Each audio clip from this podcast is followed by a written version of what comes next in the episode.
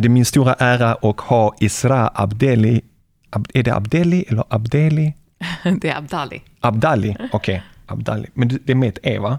Okej. Okay. Abdali. Omtagning. Inbördeskriget i Syrien, som började år 2011, har haft fruktansvärda konsekvenser för landet och för dess befolkning. Över en halv miljon människor har dödats och miljontals människor har blivit tvungna att fly för sina liv. Konflikten har lett till enorma mänskliga lidanden, inklusive svält, sjukdomar och våldtäkter. En av de mest uppenbara konsekvenserna av inbördeskriget är den enorma flyktingkrisen som har uppstått. Miljontals människor har tvingats lämna sina hem och söka skydd i andra länder. De flesta av dessa flyktingar befinner sig fortfarande i läger eller i andra mycket svåra omständigheter och kämpar för att överleva. Inbördeskriget har också lett till en enorm humanitär kris i Syrien självt. Bristen på livsmedel, rent vatten och medicinsk vård har gjort att många människor lider av svält och sjukdomar. Våldtäkter och sexuellt våld har också blivit allt vanligare, särskilt bland kvinnor och barn. I dagens avsnitt av Koranpodden vill jag introducera er för Isra Abdali. En modig ung kvinna som har rest till Syrien för att hjälpa flyktingar som drabbats av kriget. Hon har oförtröttligt arbetat för att lindra mänskligt lidande och ge hopp till dem som är drabbade av denna fruktansvärda konflikt. Hennes självuppoffrande insatser inspirerar oss alla att ta ställning och hjälpa till på vårt eget sätt. Vi hoppas att hennes exempel kommer att uppmuntra oss alla att vara medkännande och hjälpsamma mot våra medmänniskor oavsett deras bakgrund eller situation. Okej, nog med försnack. Öppna dina öron och ditt hjärta för här kommer mitt samtal med Isra Abdeli.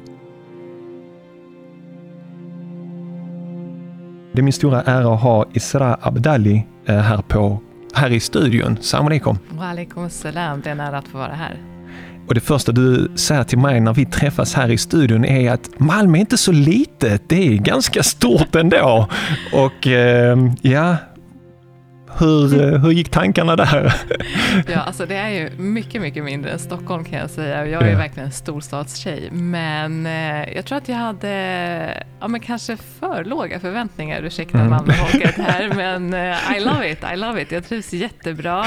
Ja. Superfina människor, varma ja. människor och eh, jag fick en känsla av den här starka community-känslan starkt. Eh, och det kanske är för att det är lite mindre än Stockholm då och att eh, alla känner alla på något eller annat sätt. Exakt, exakt.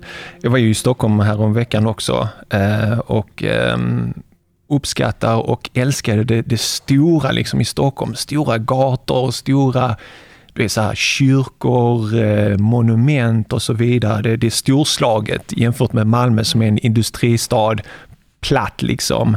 Men, men eh, en, ja, Alhamdulillah. Det är högt i byggnader så, men här i Malmö händer det mycket, även om det är lågt och så, så händer det mycket direkt på vägarna. På, eh, så ja, det, är, det är för och nackdelar med allt. Alhamdulillah. Mm. Perfekt. Jag, jag, varför jag, anledningen till varför jag bjöd dig hit till studion och vill ha ett samtal med, med dig, det är det fantastiska arbetet som du har gjort. Stand with Syria. Det var många av oss som följde ditt arbete, många som stöttade ditt arbete. Menar, när den här flyktingkrisen började med, med syriska flyktingar så åkte du ner till Lesbos, till den ön i Grekland där många flyktingar kom på vägen till, till Europa um, och engagera dig i den frågan och startade olika projekt, insamlingar och så vidare. Och det är det som jag vill jättegärna prata med dig om. Men även de senaste eh, händelserna i Sverige. Vi kommer dit där, men jag tänkte först så att vi börjar med, vem är Isra? Ja. Um, Isra är en Helt vanlig tjej eh, som har pluggat till sjuksköterska. Eh, jag gjorde min eh, master i Uppsala samtidigt som jag eh, började resa till Grekland. Ehm, jag har aldrig tidigare rest eller volontärat någonstans, men ehm, plötsligt så fick jag en känsla att nej, men jag måste göra någonting. Ehm, jag kan inte bara sitta nu jag om någon måste göra något. Och så varför jag om någon? Jo, för att jag har rötterna i Syrien. Mm. Eh, jag kan språket. Jag är sjuksköterska. Och jag har eh, fått, ett, eh, ja, men fått chansen att, att liksom eh, fått möjligheten att kunna hjälpa andra. Så varför sitter jag här? Jag måste göra någonting. Eh, och såklart så, så började inte tankarna kom inte direkt när kriget i Syrien började, utan jag var ju en av dem som eh, valde att blunda. Mm. Jag vägrade att prata med mina kusiner. Eh, jag ville varken ringa dem eller ta emot samtal från dem. Jag ville inte höra. Kusiner i Syrien? I Syrien, mm. precis. För det började ju med den här arabiska våren, alltså först med demonstrationer och så innan precis. det... Precis, och sen så eskalerade det snabbt mm. till eh, det området som vi är ifrån, Halab. Aleppo. Och eh, plötsligt så, så började vi höra om bomber och granater och död och, och massa splittring. Och jag, jag kunde inte dels koppla, relatera eller förstå. Mm. Och innerst inne så ville jag nog inte förstå heller. För att det var så traumatiskt. Så, så liksom fruktansvärt. Så att jag ville egentligen inte eh, förstå. Hur, eh, hur reagerade dina, dina föräldrar? Som förmodligen är, är därifrån. Ja, nej men de är... Ja, hur reagerar de? Det, man gråter. Mm. Det är det man gör. Och, och jag kan säga att, att, eh, min pappa har ju också, är ursprungligen från Irak. Och han flydde också ett krig i Irak till Syrien. Mm. Sen har han bott i Syrien i hela sitt liv, men fortsatte bli förföljd. Och när kriget, eh, det var ju krig i Irak också, eh, under åren vi växte upp här i Sverige. Och sen så började kriget i Syrien 2011. Och då kan jag säga att, att pappas, nej men så mycket som pappas ögon eh, var fyllda med tårar, har jag aldrig mm. sett tidigare. Så han, han grät verkligen, han säger att jag, Irak är mitt land och jag krossas för det, men Syrien, Syrien mm. är Syrien. Och jag förstår, det går inte ens att, att um, riktigt sätta ord på mm. kriget i Syrien. Det går inte, för landet har ju bara helt eh, försvunnit. Mm. Helt enkelt. Gud, nu känns det som att jag hoppar från det ena till det andra. Nej, men det är okej. Okay. Eh, nej, höra din story. Eh, tillbaka till det som ledde då, att jag eh, ville börja göra någonting. Eh, nej, men jag, jag fortsatte blunda och fortsatte men vägra förstå eller vägra vilja förstå. Eh, tills vi får ett samtal om att min kusin, eh, kusins dotter, som var min bästa, bästa, liksom, ja, det barnet jag älskade mest där, hade dött. Mm. Eh, efter eh, hon fått ett splitter rakt mellan brösten ut i ryggen och hon är sex år gammal. Och de har redan flytt från sina hem till och gömt sig i en moské som blev bombad. Och det var där som jag förstod, oj, det här är verkligen på riktigt. Mm. Um, och det var då som jag förstod att, men gud, jag måste göra någonting. För det här hände oss, mig. Eh, det blev så nära och så verkligt. Då kan det hända vem som helst. Och alla kommer känna exakt samma känsla. Mm. Eh, vi ska liksom inte behöva vänta på att det ska hända oss för att vi ska göra någonting. Utan vi måste försöka göra någonting innan. Eh, så jag eh, gjorde min master i Uppsala och samtidigt så fick jag ett samtal från en organisation som heter Vi gör vad vi kan. Eh, där de ringde och sa att Issa, du måste åka med till eh, för att du är sjuksköterska och du kan arabiska. Vi behöver dig.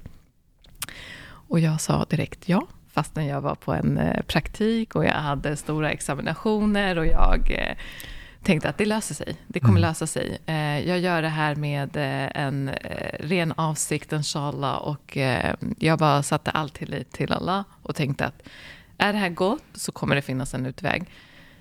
Och alhamdulillah, det var där också jag började inse hur människor hjälper och stöttar för mm. att man ska kunna göra gott. Eh, så jag klarade direkt alla uppgifter som jag skulle göra på liksom, ja, eh, två tredjedels tid.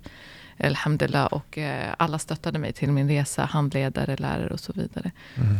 Och det var där allting började och förändrades i mitt liv. Så det, det var den frågan som du fick. Du måste det var nästan inte en fråga utan det var liksom befallning. Du måste med här, ja, du kan arabiska precis. och så. Ja, och du sa ja. Mm. Och du förberedde dina grejer och du packade din väska och ni flögs ner till ön. Lesvos. Hur var det att komma där? Du vet, man hade ju sett eh, bilder på pojken Allan som hade mm. eh, eh, låg där vid stranden död. Eh, man hade sett eh, våg, den här flyktingvågen genom, genom skärmen bara. Men att komma ner till stranden och se första båten komma fram, eh, det var, det var en chock för mig. Eh, för det var en liten gummibåt, en sån här um, vanlig eh, svart gummibåt som man kanske sitter max tio personer i. Och där det kom kryllade med människor inne mm. i, i båten. Alltså jag förstår inte hur de ens fick plats. Eh, men det var det som var grejen, att de fick inte plats och att de dog i den. Yeah. För att det som hände var att de var så många som blev nedtrampade av varandra. Alltså det kunde vara upp mot 60 personer i en sån här båt. Eh, och om man bara glider ner lite eller tappar ett barn under, då hamnar de under liksom alla människor och det kommer vatten oh, i den så att de kan mm. drunkna i båten.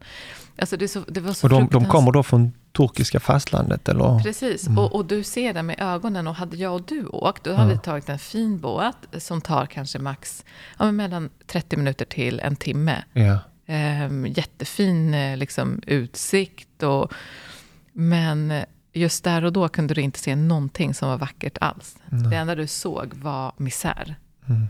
Ehm, så då, då när den här båten kom fram, om de hade tur att komma fram, då började det...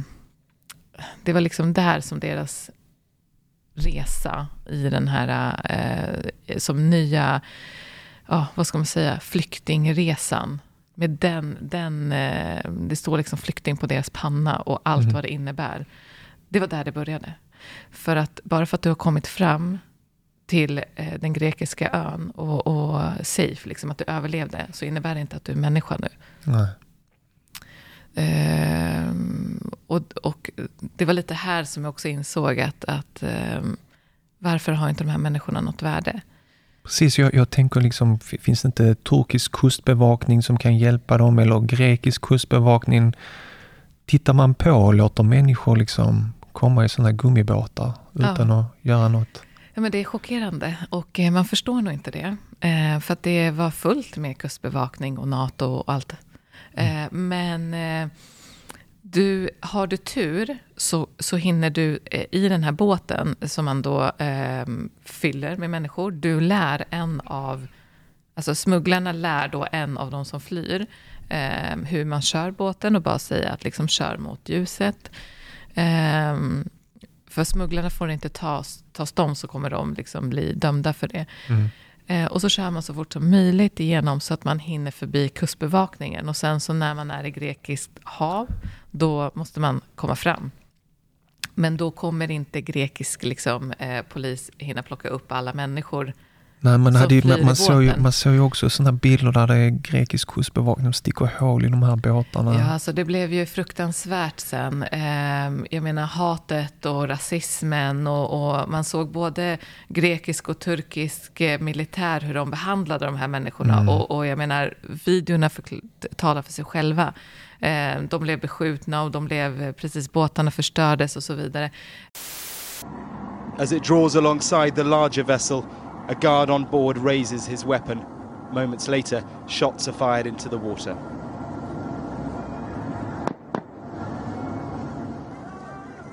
It's known as a pushback. It's more than controversial, it's illegal. Greece has made no comment, but in the past has argued that it's so overwhelmed by migrants it has no choice.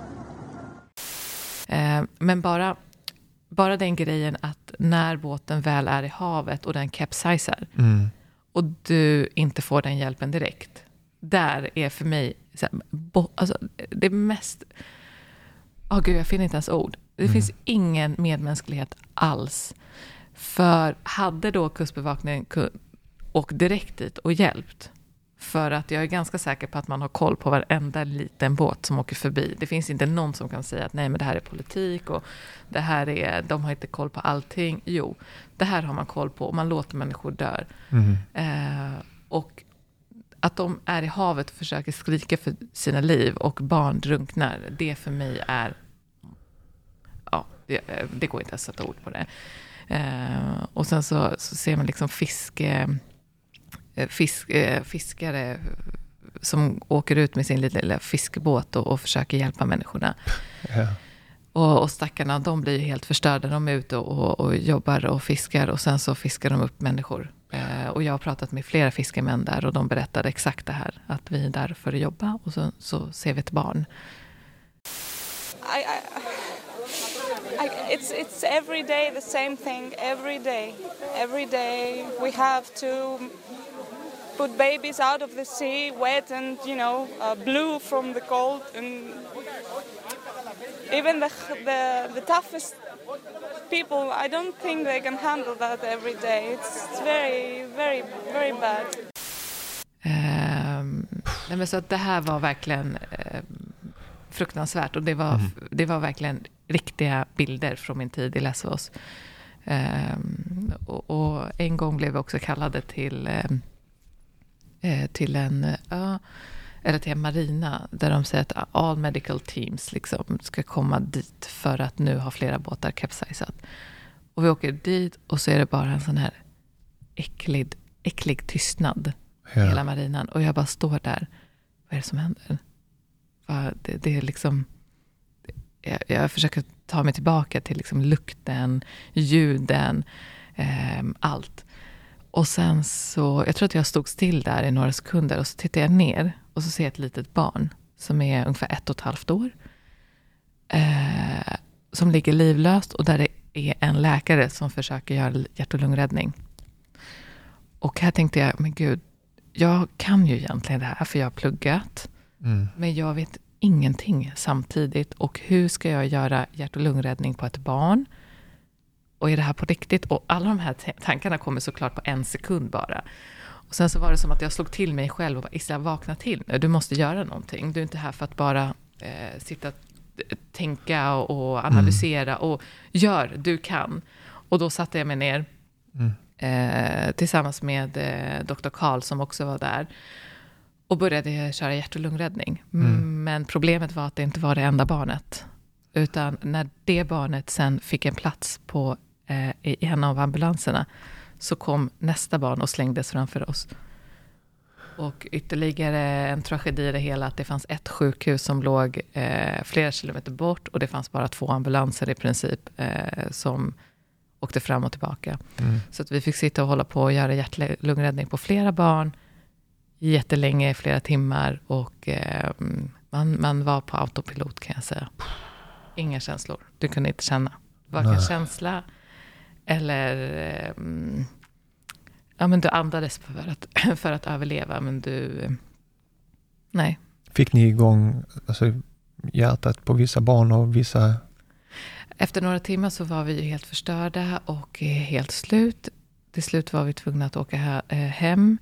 Och dagen efter tänkte vi att nej men det här, vi kan inte bara lämna det här. Vi åker till sjukhuset och letar efter barnen. Ehm, och där frågade vi efter de barnen som, vi, som liksom kom in under gårdagen och sa de att några hade dött, mm. några överlevde, några hade flygits över till Aten mm. och där de inte kunde ge oss information om vad som hade hänt.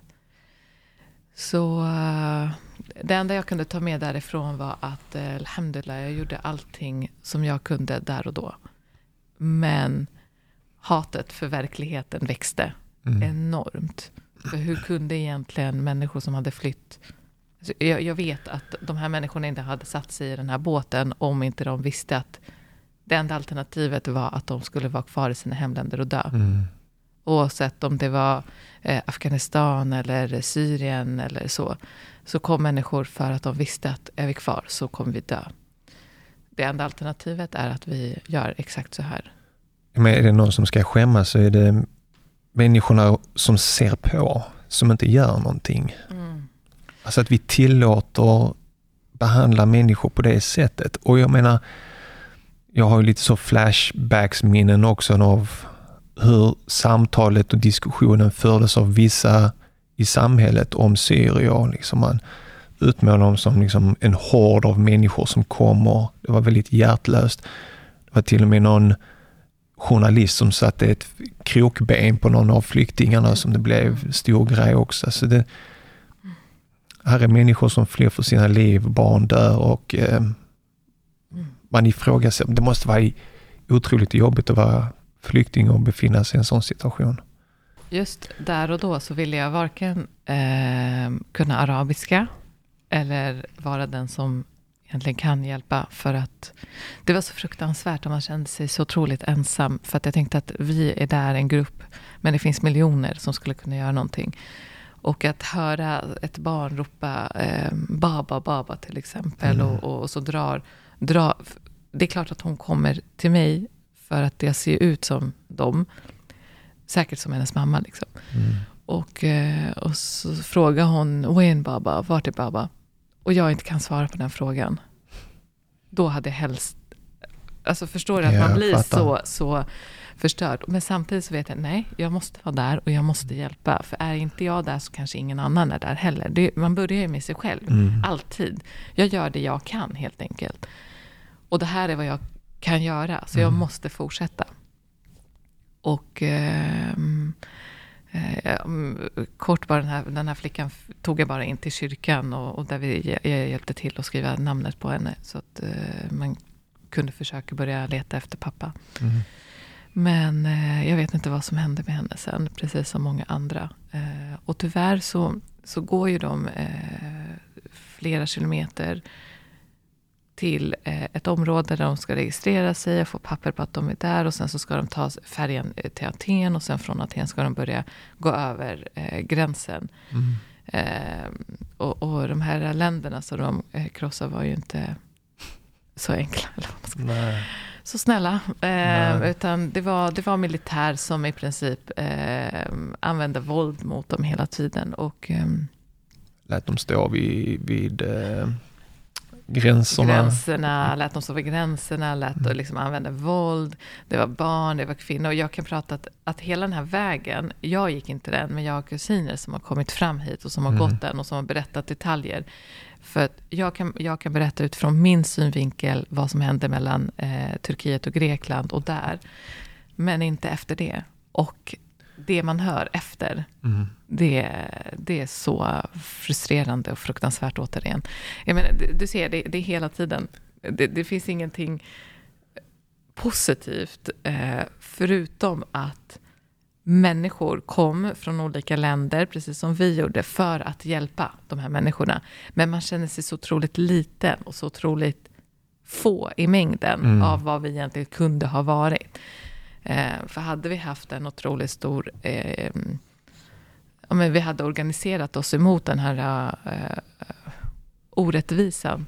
Vi är så många som egentligen är emot den. Då tror jag att vi absolut hade kunnat eh, påverka Mm. den så kallade politiken.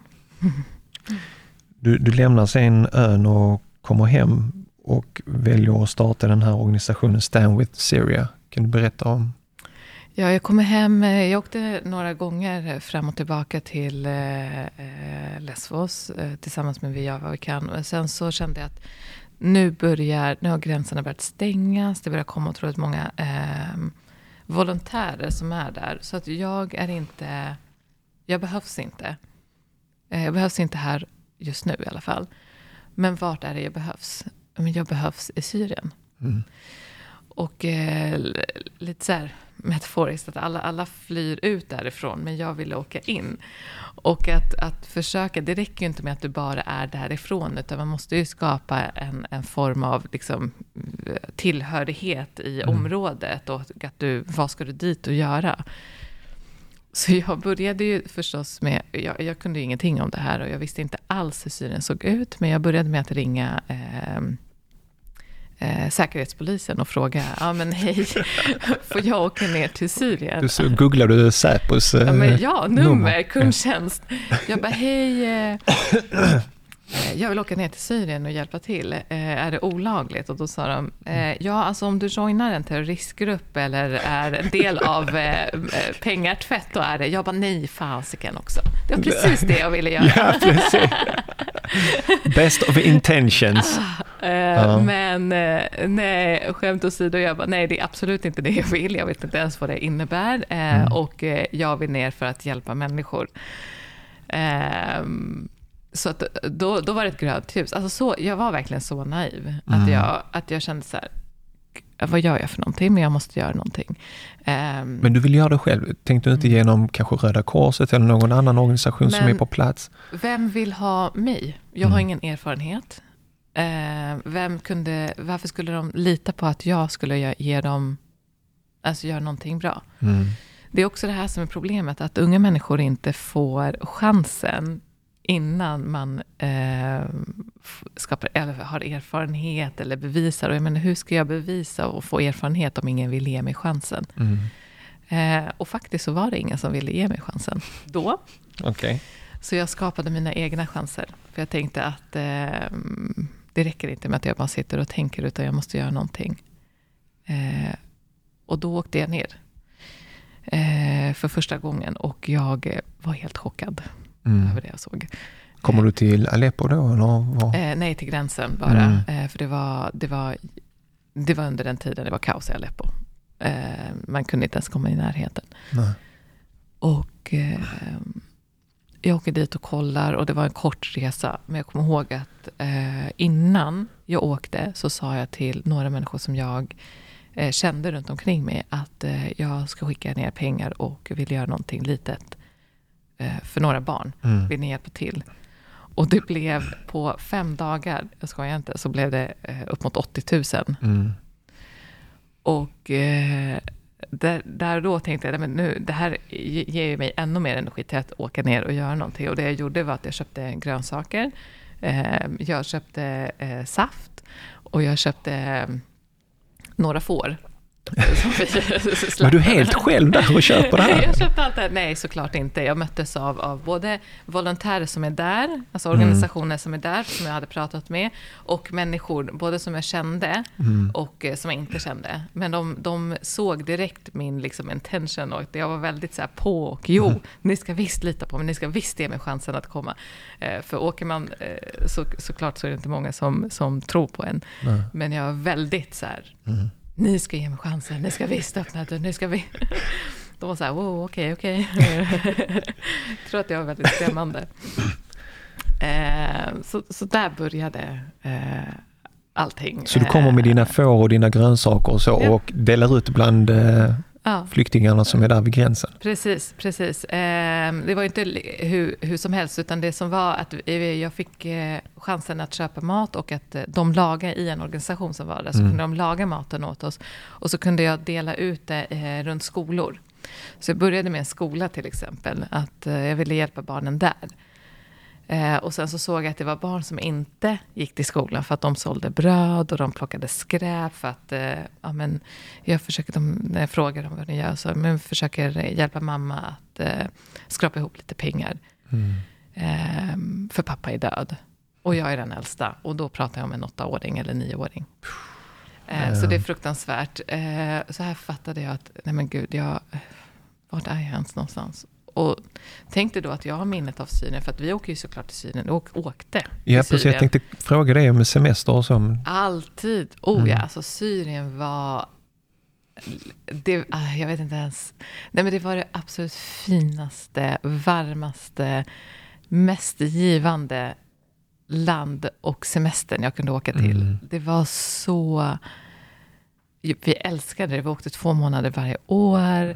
Eh, hela familjen. Och vi såg verkligen fram emot den. Och det var, det var som att men hela året gick åt eh, att längta efter att få åka till Syrien. För jag är eh, född här, men jag har rötterna där. Och mina rötter är starka och jag är jättestolt över dem. Och eh, jag kommer göra allt för att kunna liksom visa bilden för mitt barn, bilden av Syrien som jag bär med mig, för att mm. mitt barn kanske aldrig får chansen att se det Syrien. Eh, och den kulturen och det, det, Syrien bär på så mycket, mm. eller bar på så mycket. Just nu är det bären på mycket, men mycket negativt kanske. Blod och misär och krig. Och, um, men jag kommer ihåg, komp alltså jag har ju aldrig haft möjlighet att åka till Syrien, varit i några andra arabiska länder, men vänner som har varit där eller kompisar som har åkt på semester eller har rötter där. Jag menar, alla talade så väl om Syrien mm. och Damaskus och det var liksom det finaste av det fina och, många talade så varmt om människorna. Människorna är supertrevliga, varma, hjälpsamma och så vidare. Mm. Ja, verkligen. Och, och, så är de fortfarande. Mm. Eh, när jag åkte in eh, första gången så blev jag mött av vad jag minns var en åker och fält och grönt område. Nu var det fullt med tält. Mm. Och jag tänkte, äh, bor det verkligen människor här? Och så fort jag sa att jag, ni måste ta mig dit. Eh, till de här till organisationer och de människor som tog emot mig. Att ni, ni måste köra dit. Och bara att verkligen fråga är det här, är det här verkligen Syrien? Jag kunde inte tro det på riktigt. Och de, så började de säga så här, vi har bott här i så här många månader. Vi flydde från den här staden. Eh, den här byn och våra hus. Och, ja. Har du nu gått över gränsen eller är det här i Turkiet? Nej, det är över gränsen då, okay. inne i Syrien.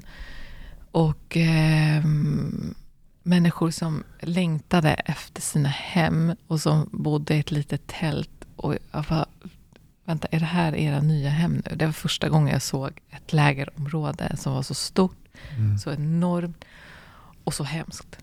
Eh, för det var verkligen vet, det, små tält eh, som rörde på sig så fort det var lite eh, vind. Eh, och det var lera och det var massa barn i dem. Ehm, och så hade de eh, typ två glas och en liten, om de hade tur så hade de en liten sån här spis. Mm. Som de hade fått. Typ som stormkök? stormkök ja, precis. Mm. Som stormkök. Eh, köpa spis. ett litet stormkök och eh, eh, ja, någon liten kastrull. Och då hade de tur. Ja. Då har de fått det. Och sen så förlitar de ju helt sig på att människor ger dem mat också. För att de har ingen inkomstkälla alls. Eh, jag började med att, att eh, dela ut eh, maten och vara bland barnen. Dela ut oh, allt jag kunde och allt jag hade. Och, och jag minns en gång när jag åkte till, till ett av de här lägren så kom barnen springandes och bara Chale, Chale, moster, moster. Um, och jag tänkte, ja, de är jätteglada och jag har bilen full med kex och saft. De kommer bli överlyckliga nu. uh, för jag tänkte att det, var det, det är det som jag vill ha. Eller det är det som jag tänker att våra barn vill ha. Eller hur? sa de, har du möjlighet att, att lära oss? Mm. Tänkte, Vad vill ni lära er? Och då sa de, Dersina, Dersina, bara liksom, vi vill studera. ja. De hade en sån extrem saknad till skolan. Och jag tänkte, men gud. Här, jag vet att vi typ flyr ifrån skolan, att vi inte vill vakna på morgonen och gå till skolan. Jag vet att vi inte gillar, ja. eller att den inte ses som någonting som man verkligen längtar efter. Och här var det enda de ville sitta och, och, och liksom, de ville gå till skolan. Mm. Ehm, och då skämdes jag lite över att vad jag hade i bilen och jag hade glömt att tänka på... Leksaker, kex, choklad. Ja, det var jättegott. Nu är det klart, kan vi studera nu? Ja.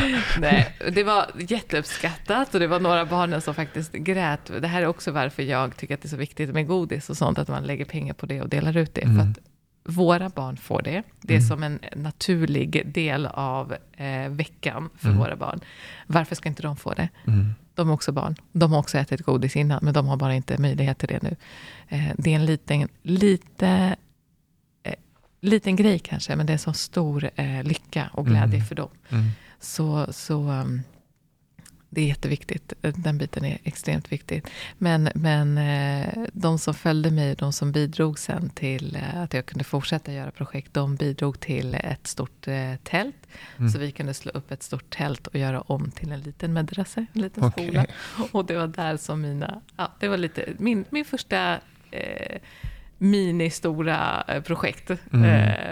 Eh, jättefint. Så. Ja. Sen så, för jag var inne lite grann och, och tittade, ni byggde sen en lekplats.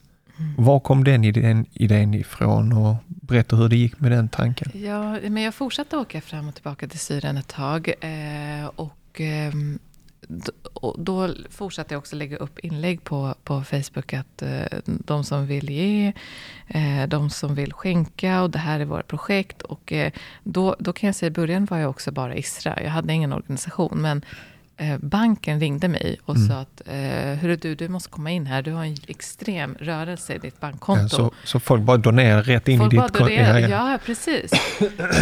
Folk bara donerade och, och, jag försökte lägga allt eftersom vad jag gör, mina tankar, vad som mm. händer och så vidare. Och, och, jag märker att det, blir, det blev en rörelse, sakta men säkert. Mm. Men jag hade aldrig tänkt på att starta en organisation. Mm vad kan jag ens? Vad är en organisation?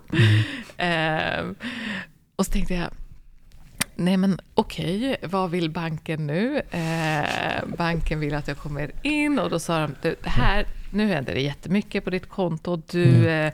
eh, det här är ehm, risk för terrorism och eh, pengatvätt. Och då tittade jag, säger du det där verkligen till mig? Ja. Är, det, är det för att jag ser ut som jag gör eller? Jag bara, du har ingen rätt att säga så här. Du, jag är extremt tydlig på vad jag gör. Ja. Så, nej, vi ska lägga ner ett konto. Och då börjar jag så här, nej, ni har inte rätt till att lägga ner mitt konto. Jag gör det här för välgörenhetsändamål. Precis. Och så börjar jag prata med den ena och den andra. Och jag kan säga så här, jag visste ingenting av det jag sa. Mm. Alltså, jag bara snackade på. Men du, du tog inte crap? Du accepterar inte att de nej. ska behandla dig på det sättet? Absolut mm. inte. Snälla, jag sitter här och Istället gör... för att se det positiva, att okej, lyssna här ja. nu. Du får mycket på ditt konto vi förstår vilket fint arbete du gör, men du kan inte fortsätta så här. Det finns alternativ. Istället för bara Exakt. smack. Ja, och man ser att jag har tömt mm. mitt konto. Jag använder inte ens mitt konto. Jag är extremt noga med vad jag gör mm. med de här pengarna. Och jag har gått igenom det med dem. Jag har till och med så pratat med dem. Hur ska jag göra för att organisera det? Mm. Nej, precis. Så fick jag ett hot det första jag gjorde. Men sen så... Sen så eh, och, och, som sagt, jag visste inte vad jag hade för rättigheter och sådär. Men, men eh, jag sa, snackade och eh, rakt från mitt hjärta. Och, och mm. Eh, sen sa de, nej men det du kan göra är att starta en organisation. Jag bara, ja, okej. Okay. Så gick jag därifrån. Och så tänkte jag, jaha, vad ska jag göra nu? Starta en organisation. Oh, starta en organisation, ja. Nej, eh, jag kunde ingenting av det. Och sen så eh, blev det ett eh, inlägg om det här för mig. Och sen så drog, drog den ena efter den andra eh, sina kontakter. Och det mm. blev så stort. Alltså Sara, jag kan inte ens förklara för dig hur mega stort det blev. Eh, jag fick kontakt med eh, en fantastisk eh, eh människokämpe, jurist, eh, Paru Sharma, som var den första som kom in och bara, jo, du, det här ska du verkligen göra. Och Paru är en sån här som har massa eh, projekt och organisationer och gud, jag kan inte ens eh, jämföra mig, det är verkligen förebild. Eh, och, och så här, jo men du ska verkligen eh, starta här, det här är numret till en, en revisor, han kan hjälpa dig, han vill hjälpa dig, det här är numret till så fantastiskt så att komma i kontakt med sådana eldsjälar. Ja! Mm. Och sen så har vi kommit i kontakt med, med Majid Ravison som hjälpte mig och, och bara, jo men det här, det här är, jag, jag avsätter tid för att du ska göra det här. Och så bara mm. gör han det helt ideellt för att jag ska kunna och det mm. blev en sån extrem rörelse över hela Sverige. Mm. Och så var det någon annan jurist som bara, jo men eh, varför har du inte fått ditt tillstånd? Jag bara, nej men eh, Länsstyrelsen ska godkänna och Skatteverket. ja, ja. Och du vet, ja. Svensk byråkrati. Åh, herregud. Eh, men subhanallah, efter en månad så fick vi tillståndet godkänt. Mm. Subhanallah. Och vi fick organisationsnumret och vi fick bankuppgifterna. Så det, det, det, liksom, det jag vill säga är att, att tror man på en idé och, och har man rätt ner mm. så kommer Allah alltid hitta, eh, eh, visa vägen och, och öppna upp vägen. För jag säger alltid, jag har inte gjort någonting. Mm. I allt det här så har inte jag gjort någonting. Utan det var Allah som vägledde mig och liksom la alla de här människorna framför Mm. för, att någon, för att i slutändan kunna hjälpa några människor som var i behov av hjälp, eller Mm. är i behov av hjälp. Det inte, handlar inte om mig här. Det handlar om att jag var ett litet verktyg i hela den här vägen. Hela den här eh, resan. Och, Och vägarna bara öppnas upp för dig liksom. Utan att du har någon aning om hur man öppnar Hur? en organisation. och allt det där. Precis. Och, och efter det här så började vi också, eller i allt det här så började jag också tänka så här, nej men vi måste skicka en eh, container från Sverige till Syrien för att vi, vi har massa grejer här som vi kan bidra med. Och då började jag sätta upp så här kvalitet, det ska bara vara nya grejer, det ska vara fint sånt här, det här behöver de. Ehm, samtidigt som jag då jämförde med vad som kom in till Syrien när jag var där sist. För jag Mm. öppnade en gång container så bara ramlade ut grejer. Så var, Folk bara donerar sina... Ja, men så här, använda typ underkläder, det var det värsta jag såg. Men det är sant, alltså det händer, det är så vidrigt. Och eh, jag tänkte att nej, vi måste ha kvalitet. Och eh, jag satte upp ett containerprojekt. Och jag menar, nu är vi inne på vår tionde container. Wow. Och det är människor och företag. Mm, jag såg det som- på Facebook. Ja. Företag som stänger ner och som bara donerar. Donera, precis. Eller företag som inte stänger till, ner, som bara vill donera. Det är helt fantastiskt.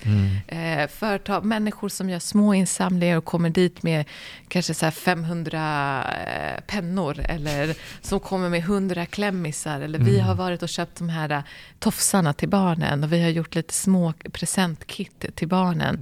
Och vi har gjort skolkit. Och, och eh, ja, men vi har Ja, som, som en, av, en del av containerprojektet var det här Nalle-projektet där, där ehm, eh, Bitte startade, vår Nalle-mamma, startade ett Nalle-projekt där hon köpte små nallar från Ikea, men hon stickade kläder till barn och Mm. till nallarna som var likadana. Och det här var en rörelse som Oh var hela häftigt. Sverige. Ja. Jag fick brev från typ så här Agneta uppe i Umeå. Bara, Tack för att du har gett oss en mening med vår vardag. Jag skojar inte. Ja. Sitter så här äldre, unga. ehm, ja, men så många människor jag aldrig trodde Mm. jag skulle nå.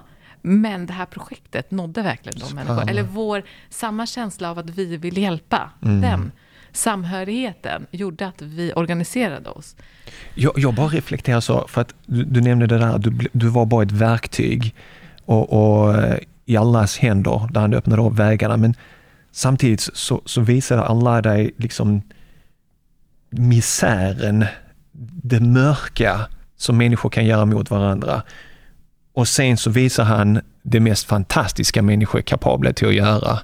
Alltså någon Agneta långt upp som inte känner några syre överhuvudtaget men känner hon får en mening i med livet och, och fixar de här nallarna och så. Hur, har du reflekterat över det? Ja, men eh, absolut. Eh,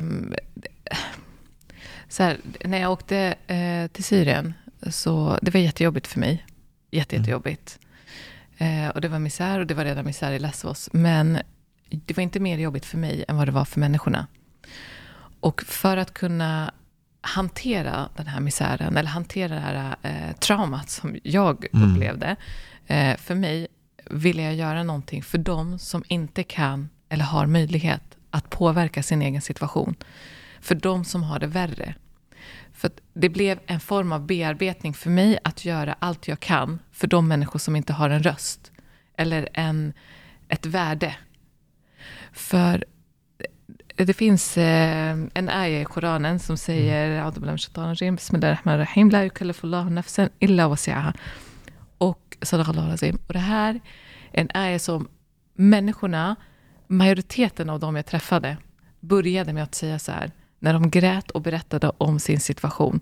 De säger att det här situationen vi är i är inte det värsta.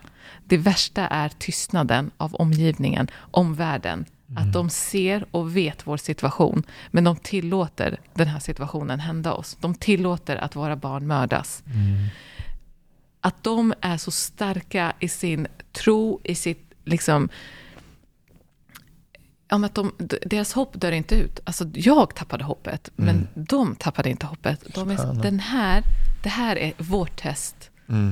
Men allting annat är inte vårt test. Det är ert test. Subhanallah, så sant. Så att om vi dör idag, vi kommer dö. När, när det är liksom skrivet att vi kommer dö så kommer vi dö. Men det är hur vi dör. Och det här var också en grej som jag bar med. Att, att jag lever nu, okej, vad gör jag av mitt liv? Vad gör jag av mitt liv?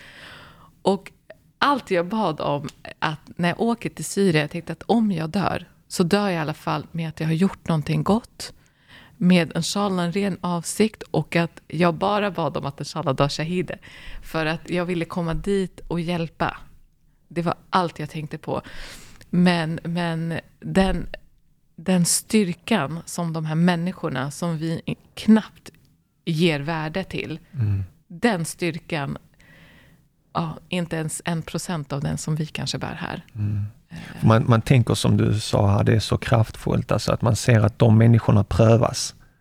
Men människorna som tittar på eller ser det prövas också. Precis. Vi kommer ju bli eh, frågade av vad vi har gjort med vårt liv, vad vi, eh, vad vi gör, vad vi, vad vi, hur vi tillät saker och ting ske runt omkring oss. Vi kommer bli frågade av allt. Eh, alltså vi, alhamdulillah, vi är muslimer och vi tror på domedagen. Eh, vi måste reflektera kring vad som händer. Och jag menar, vi måste också tänka på att det finns så må- många människor, majoriteten av de människor som bidrog och, och stöttade mig i mina projekt, var inte ens samma tro. Mm. Utan hade tron om att vi måste göra gott för att vi är människor. Mm. Ja, det är, samma, det är precis samma mål. Det är samma avsikt. Det är liksom... eh, Vi måste, vi måste organisera oss för att hjälpa människor. Vi Mm. får inte förblinda oss på att vi lever här och nu. Vi blir så upptagna i vår, liksom, vår vardag, vår verklighet och glömmer misären som sker eh, andra sidan världen. Eh, eller till och med närmare. Till och med närmare. Det kriget är mycket närmare än vad vi tror. Eh, och det handlar inte om att du behöver göra allt eller göra någonting stort. Det handlar om att du ska göra vad du kan. Mm. Oavsett om att det är, det är en text på Facebook, en delning, om det är en krona eller tusen kronor, om det är en ehm, sticka en liten nalle eller oavsett vad. Jag säger inte att alla ska åka ner till Syrien. Nej. Jag säger att man ska göra vad man kan. Har du den känslan, du har nått den nivån, bra, fine. Om vi alla människor gjorde så och alla förstod att, att, att göra gott för en annan människa, Mm. det är en del av vårt liv. Det är inte en hjälteinsats. Det är en vardag, det är en del av vårt liv. Vi måste göra det. Och ni väljer att bygga en lekplats. Berätta Ja. om det nu. Eh, ja, lekplatsen. Eh, vet, jag, jag bodde eh, mycket i en skola vid gränsen, i, mitt i lägerområdena. Mm. Jag var ju där och jag såg att barnen lekte med eh, eh, så här shrapnels, eh, splitter. Eh, de lekte med... Granatsplitter? Ja, ja. De lekte med splitter, de lekte med ja, rester av... De lekte liksom på eh, själva byggnader som har rasat. Åh herregud. Ja. Och så gick de och letade efter det som var bomben. Mm. Eh, så splitter var det roligaste de kunde hitta. Eller ehm, ja, men, eh, små granater. Ja. Eller, det- allt Krigsutrustning liksom. allt, precis. Och jag sitter där och är livrädd för något som för mig, jag ser det liksom bara på sådana här äh, actionfilmer. Mm. Eh, men det är på riktigt, de här sitter och leker. Ja, du vet, i svenska sammanhang har de spärrat av hela området Ja, liksom, och människan har inte fått Ja. komma i närheten. Nej, men de är så vana. De bara, nej men det kommer inte hända någonting, det här är bara jättekul. Kolla, jag hittade tio stycken sådana här. Och, och så tänkte jag, okej, det här är vad de leker med. Och sen tittar jag andra sidan så är det ett fält och där står det fem pojkar. Och så står det lite längre bort fem andra. Och säger varför leker ni inte tillsammans? För jag märker att de här sparkar boll, de här sparkar boll. Med en liksom rutten boll som knappt har någon luft i. Eh, och då säger de, nej men vi får inte vara tillsammans. Vi får inte vara mer än fem personer. För då, blir vi, då syns vi från, från flygplanet och då blir vi eh, Ah, targets. Ja. Så sjukt. Ehm, jag kollade, det fanns ehm, en liten, liten lekplats som rymde kanske, ehm, ja men det var liksom två gungor. Ja. Så, eh, och en liten, eh, vad heter det? På, på engelska heter det jigsaw va? Alltså sån gung... Ja, precis. Ja. Ja, men du vet vilken jag menar. Ja, Ja, ja, den här som man sitter och Det förstår med. säkert ja. våra lyssnare också. Ja, ni förstår vad jag menar. Helena sitter på den andra sidan så gungar man upp och Gunga, ner. Precis, precis. Och där kunde liksom fyra stycken sitta och leka eh, på och sen så var det någon liten slä, ja, men det, var- det var jätteliten och trasig och, och eh, det var eh, splitter där också för det var precis bredvid en byggnad som hade som bara låg ner i rasmassor. Eh, och där lekte jättemånga barn. Mm. Men aldrig tillsammans och aldrig i en grupp.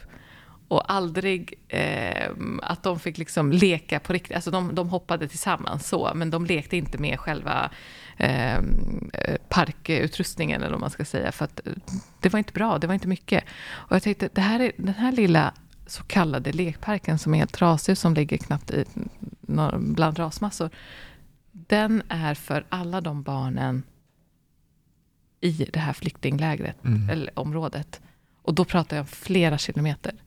Jag pratar om liksom flera tusen barn. Jag åkte runt överallt och hittade ingenting. Mm. Och då kommer jag från ett land där vi eh, har en liten lekpark precis mellan precis varannan byggnad. Ja, ja, det är planerat. Och det är så det ska vara. Mhm. Varför ska inte de barnen få det?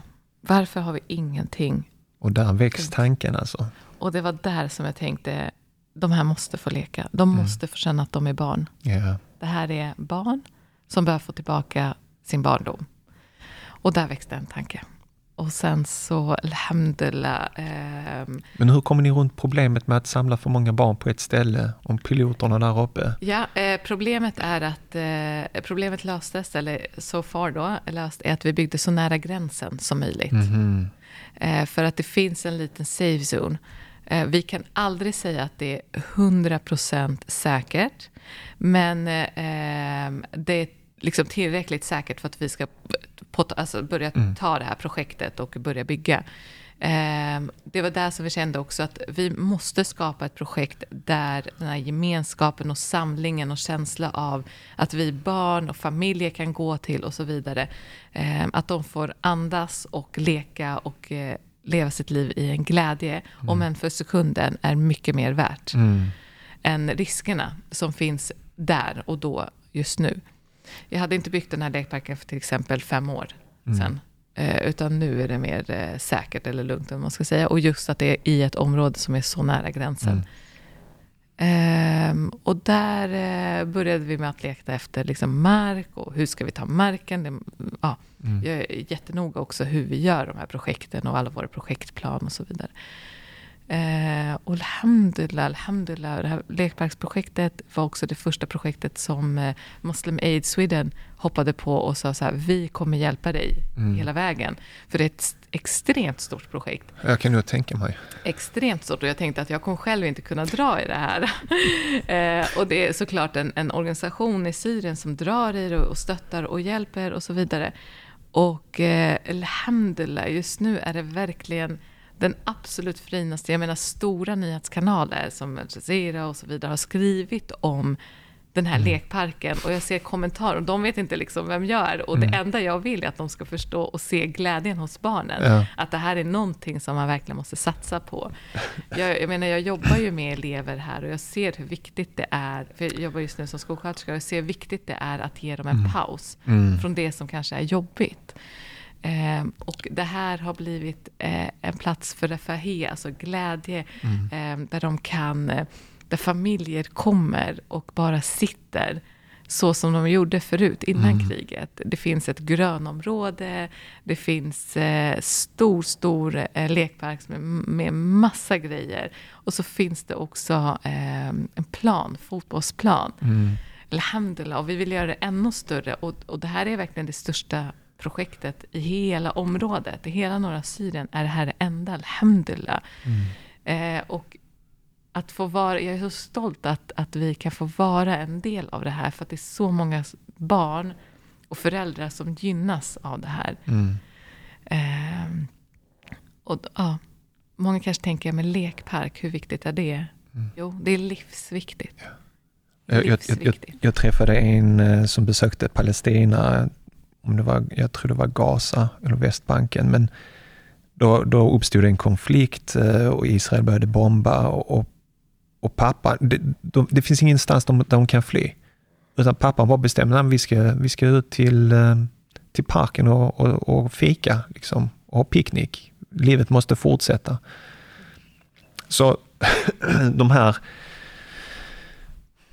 lekplatserna eller platserna där man kan vila ut, samlas och är superviktigt tror jag. Jag såg videon också när barnen sprang runt där jätteglada. Liksom. Den glädje som man ser i deras ansikten måste göra extra varm inombords liksom. Ja. Eh, och man har kunnat vara med och bidra till det projektet. Verkligen, jag brukar få videos eller bilder så här, hej, så vi vill bara eh, påminna dig om mm. att eh, du har gjort skillnad här. Och då tänker jag, jag, ja, jag har inte gjort så mycket. Det är liksom alla som har gjort det här möjligt, eller Alhamdulillah, som har gjort det här. Eh, men ja, de videoklippen och de bilderna, de, eh, de gör min dag helt enkelt, eller min vecka. Jag, jag, jag tror också att där finns vissa situationer i livet som man ställs inför, vägval i livet.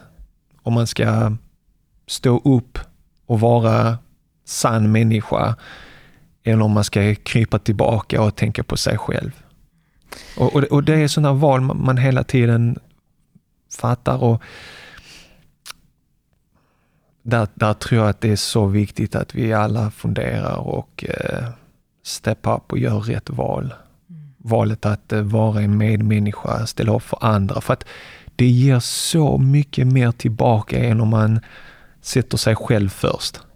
Verkligen. Ja. Och, och börja, börja här och nu. Börja med liksom en, bara kolla, kolla bara lite från din safe zone mm. själv. Börja med att eh, bara sträcka ut handen här. Eh, och, och, våga tro på att det du gör, gör verkligen skillnad för någon. Eh, och jag kan säga att det, det lättaste kanske är att man, man tror oftast att jag kan inte göra någon skillnad och mm. jag är inte tillräckligt liksom bra och jag är inte tillräckligt... Jo, du, när du gör något och tror på att du verkligen gör skillnad. Du, du är med och skapar någonting nytt. Ett samhälle du vill bo på, i ett, ett liksom, en person du vill vara, en person du vill att andra ska vara. Det här, att sträcka ut en hand för någon annan, det kanske gör att du någon gång får en hand utsträckt till dig mm. när du behöver. För vem vet, vem vet, det där kunde ha varit vi. Det kanske är vi nästa gång. Exakt. Det kanske är vi. Hur vill vi bli bemötta? Vi ska inte behöva vänta på eh, att det händer oss, eller att det ska komma nära. Vad gör du idag? Vad gör jag idag? Eh, ja, tyvärr. Här med banken eh, gick inte så bra efter några år kan jag säga. Eh, efter presidentvalet i, i, Syrien och efter eh, massa ehm, ja, eh, överenskommelser mellan banker och eh, USA och Syrien och ja, du vet hela den här politiska massan som jag verkligen mm. ogillar. Så valde banken att stänga ner mitt konto. Stand with Serious konto alltså. Eh, och eh, vi har kämpat för att eh, få det återställt eller så, men eh, subhanallah, det, det gick inte. Vi mm. var nog en av de organisationer som jobbade för Syrien som höll sig längst. Mm. Eh, och det är flera, det är inte bara ni som har drabbats utan andra organisationer också? Det, det är en jättestor grej nu med att eh, andra organisationer och företag får sina konton nedstängda. Mm. Eh, men precis just välgörenhetsorganisationer och just eh, vi som riktar oss mot sådana områden som är, är eh, red zone. Mm. De, eh, de bankerna har stängt ner kontot för oss. Och eh, jag tänkte att nej men vi, jag, jag, måste fortsätta, jag är inte färdig. Jag är inte färdig. Eh, alhamdulillah så um, vi kan fortfarande göra projekt, vi kan inte göra en insamling. Eh, så eh, Muslim som jag har jobbat med i flera år nu eh, har eh, sagt att vi kan göra insamling via dem och så, så mm fixar de allt när det kommer till ekonomin. Eh, men det blev så mycket så till slut sa de nej nu får du komma och jobba med oss istället. Okay. Så alhamdulillah, eh, vid sidan av eh, så engagerar jag mig i Muslim Aid nu. Inshallah. Ja, alhamdulillah. Eh, annars är jag en skolsköterska. Jobbar på en skola i Stockholm och eh, ja, är med och försöker påverka nästa generation mm. helt enkelt. För jag tror att vi måste, vi måste ja, men visa eller öppna upp ögonen för en annan värld. Mm. Eh, och vi börjar med nästa generation. Att liksom lära sig hur man kan vara, hur man kan se på problem, hur man kan hantera problem, hur man kan eh, ja, skapa möjligheter eh, och verkligen öka förtroendet för en själv. Och jag tror det är så viktigt att vi lär vår nästa generation det här, verkligen mm. peppar och stöttar, snarare än att låta dem komma in mer och mer i den här cybervärlden och där hatet samtidigt växer och, och rasismen ökar och splittringen ökar och mm. segregation överallt och så vidare. Det, det är jätteviktigt att vi, vi, vi finns här och är närvarande och eh, hjälper ja, mm. här på plats, mm. vår nästa generation också. Um, och där, det, det, det målet delar vi nog båda två. Jag jobbar som gymnasielärare och, och träffar mina elever där och försöker också öppna upp ögonen för en annan värld eller försöka vara en god förebild och visa på de mänskliga värdena i en värld där det är ganska hård ton. Känner det är så här youtubers, influencers, de här logaritmerna premierar hårda armbågar och, och så. Jag saknar de här varma värdena eh, som vi, och du vet i samhället också, det, det är hårdare straff, fler fängelser och så. Men det är ett sånt samhälle vi vill bygga som är kall, hård eller vill vi bygga en varm, varmt, ett varmt samhälle eh, av gemenskap istället för splittring och polarisering och att peka finger på olika grupper. Ja, men det börjar verkligen med, med sättet vi ser oss själva och sättet vi ser på människor mm. runt omkring tror jag. Det, jag tror att det är där som, ehm, eh, som vår liksom, tankar kan utvecklas därifrån. För ser man, ser man på människor på ett nedvärderande sätt på olika, som olika ras eller färg, eh, ja, allt sånt där, det är det är fruktansvärt. Det är klart mm. att du inte kommer ha eh, en bra människosyn eller vilja göra gott för andra då.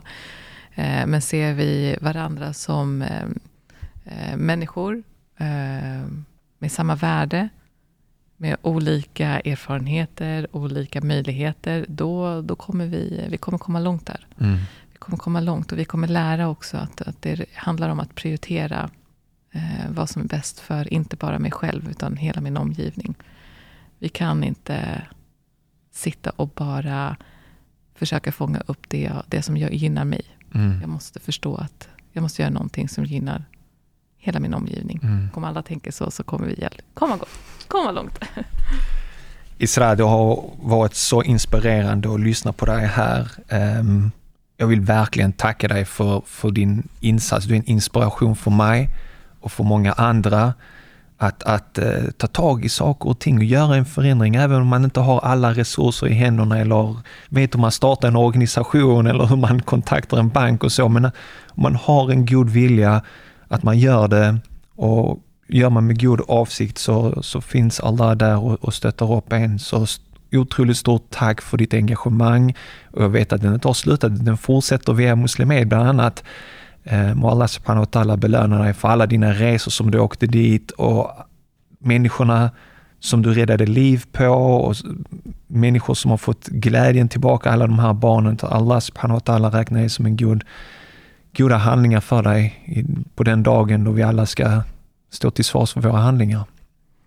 Amin. Jazakallah khair, jazakallah khair för att jag fick komma hit och eh, dela lite av min erfarenhet. Jazakallah khair. Och eh, stort tack till dig som har en fantastisk podd och som verkligen fortsätter driva det här. Det är så otroligt viktigt också att, att eh, ja, det här är en plattform som mm. sprider kunskap och eh, engagerar många och ehm, kanske kan eh, påverka någon att göra någonting gott.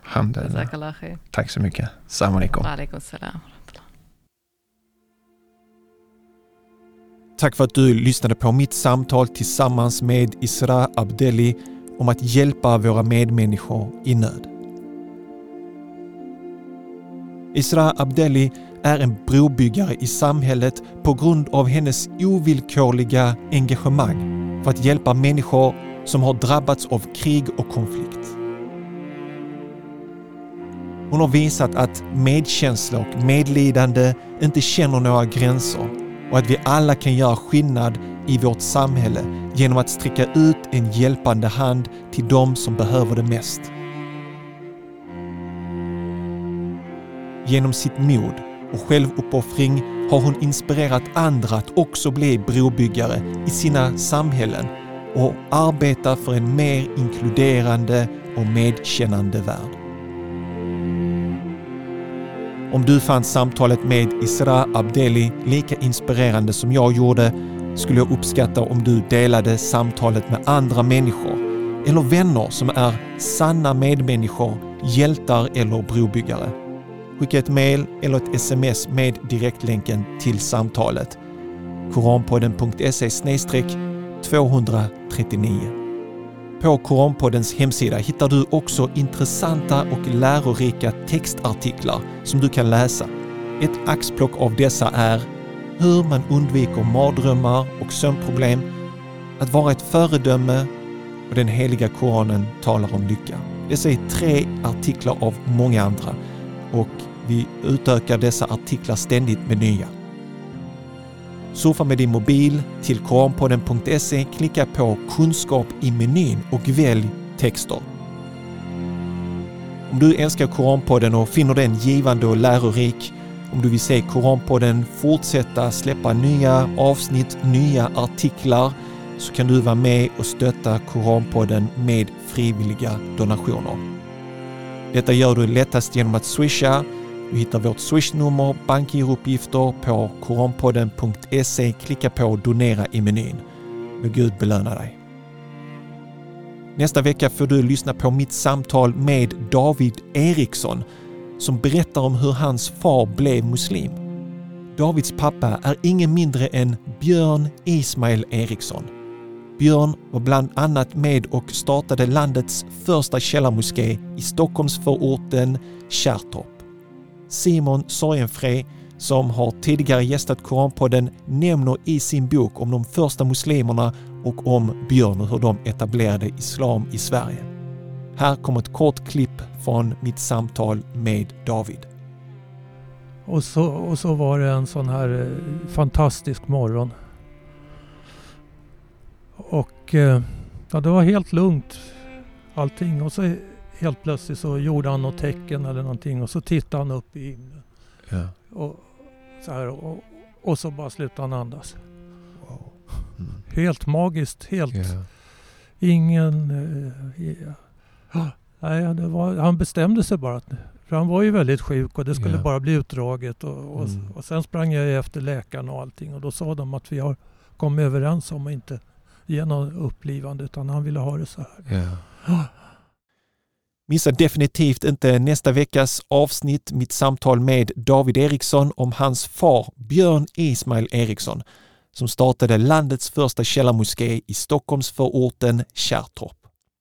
Följ oss på Facebook och Instagram där du kan följa arbetet med Koranpodden. På vårt Instagram postar vi regelbundet inlägg med inspirerande citat ur Koranen och från våra olika avsnitt. Vill du komma i kontakt med mig eller vill tipsa om någon som du vill att jag intervjuar så gör du det lättast genom att mejla mig på hej koranpodden.se. Då återstår det bara för mig att önska dig en härlig vecka. Tack för att just du lyssnar på Koranpodden. Vi hörs igen nästa vecka på måndag med ännu ett nytt poddavsnitt inshallah. Ta hand om dig tills dess. Salam alaikum wa rahmatullahi wa barakatuh.